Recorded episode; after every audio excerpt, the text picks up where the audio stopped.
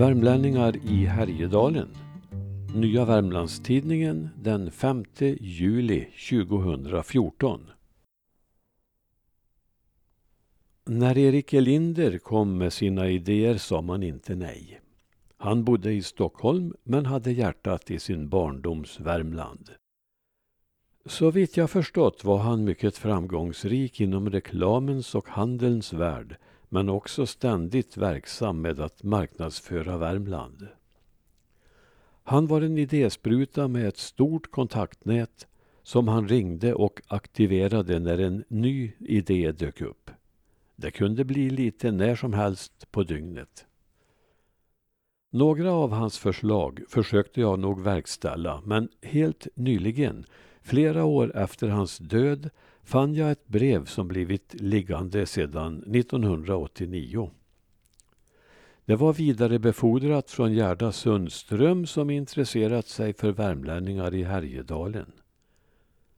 Hon härstammade själv från dylika och ville att någon skulle forska vidare i ämnet. Någon forskning kommer jag inte att uträtta men kan inte helt släppa tråden. Det var under andra halvan av 1800-talet som många värmlänningar for till Norrland på skogsarbete. Den stora timmerhandeln hade satt fart och värmlänningarna var erkänt duktiga i skogshantering och därför efterfrågade. Många arbetsvandrade och kom tillbaka till Värmland när säsongen var över men en och annan stannade kvar och bildade familj. En sådan var Gerdas farfar Nils Halvarsson som föddes i Ransby 1857. Hans bror Halvar föddes två år tidigare i samma by men 1858 röjde deras föräldrar Halvard Halvarsson och Karin Nilsdotter upp ett litet torp på Askheden i Sysslebäck. Ytterligare fem barn följde Karin, Sigrid, Lars, Kerstin och Marit. Pojkarna tog efternamnet Ask. Fader Halvard, han Ask-Halvar, dog 1900 av, som det är skrivet, fallande sot och kvävning och påträffades död med huvudet i en vattenpöl. Hustru Karin dog fem år senare av ålderdomssvaghet och därefter blev torpet tomt. Alla barnen hade skapat en framtid på annan plats. Döttrarna Kerstin och Marit flyttade till faderns födelseort Ransby och gifte sig med varsin bror från Hedbäckmon. Karin blev gift på andra sidan älven i Sysslebäck och Sigrid hamnade i Härjedalen men fortsatte som 50-åring till Minnesota. Alla tre pojkarna vandrade norrut och blev sedan kvar i Härjedalen. Gerdas farfar Nils blev skjutsdräng hos en gärdsgivare i Ålsta by, Häggenås och deltog dessutom i övriga göromål på gården. När järnvägen och biltrafiken kom behövdes inte längre någon skjutsdräng men arbete fanns i jordbruket. Nils blev gift med gårdens enda dotter och tog över gården.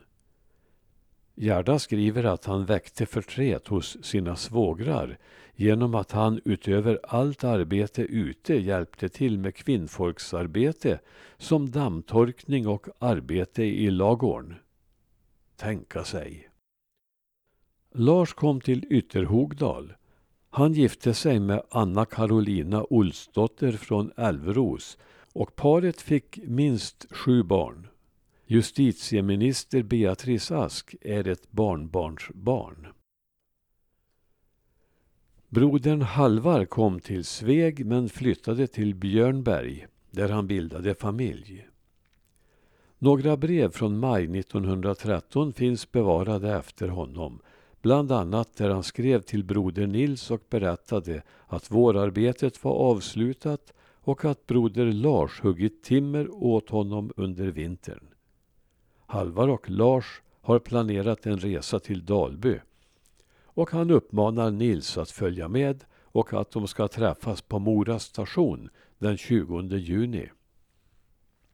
Nils och hans hustru Karin följde med, skriver Gerda och berättar vidare att detta var enda gången hennes farfar återsåg sin födelsebygd. Många år efter föräldrarnas bortgång. I ett sista bevarat brev från Nils är han 70 år och arbetsoförmögen. Dagarna blir långa och han använder kryckor för att förflytta sig. Såga lite ved förmår han, men att klyva veden, det är omöjligt. Två år senare dör han. Från min egen släkt styrde fyra bröder Styffe kosan till Härjedalen vid ungefär samma tid som bröderna Ask. Även här finns några brev bevarade. Det var fyra av min farfars morbröder från Linna i Ovansjöbygden som lämnade Värmland för Härdarn. Mellansyskonen Jon, Olof, Carl Gustav och Halvard vandrade iväg medan äldsta brodern Per Johan flyttade till Amerika där han blev far till 14 barn. Äldsta systern Maria blev bosatt helt nära föräldrarna liksom hennes syster Sofia. Sonen Daniel blev fabrikör och hamnade småningom i Örebro medan Ingegärd och Johan blev kvar hemma på torpet. I ett brev från maj 1888 skriver syskonens far, Daniel Styffe, till sönerna Jon och Olof i Härjedalen. En hjärtlig glädje blev det för oss alla då vi fick höra det att ni med hälsan har kommit fram och även börjat arbete. Jag får medgiva att det blev tungt och långsamt efter er då ni reste från oss och tyngst för mig och er mor emedan vi är gamla och ej förmår arbeta som vi borde. Slut på det citatet. Riktigt rörande är det att läsa när Ingegärd i ett brev till Jon och Olof hälsar från, jag citerar, syster Maria och svåger Jöns och deras små pojkar att de haver hälsan nu för närvarande. Slut på citatet. En av dessa små pojkar, då åtta år, skulle bli min farfar. Enligt vad breven berättar var det Jon som lyckades bäst av bröderna i Härjedalen. Såväl föräldrar som hemmavarande syskon skriver och tackar för penninggåvor och systern Maria ber honom om ett penninglån så de får råd att betala sin ko. Brodern Olof behöver hjälp att bekosta suparna när han ska fira bröllop. Jag har bara 26 liter brännvin och tio flaskor konjak, beklagar han sig. Jon kom till Glöte och där gifte han sig med enda dottern på bondgården Svartvallen.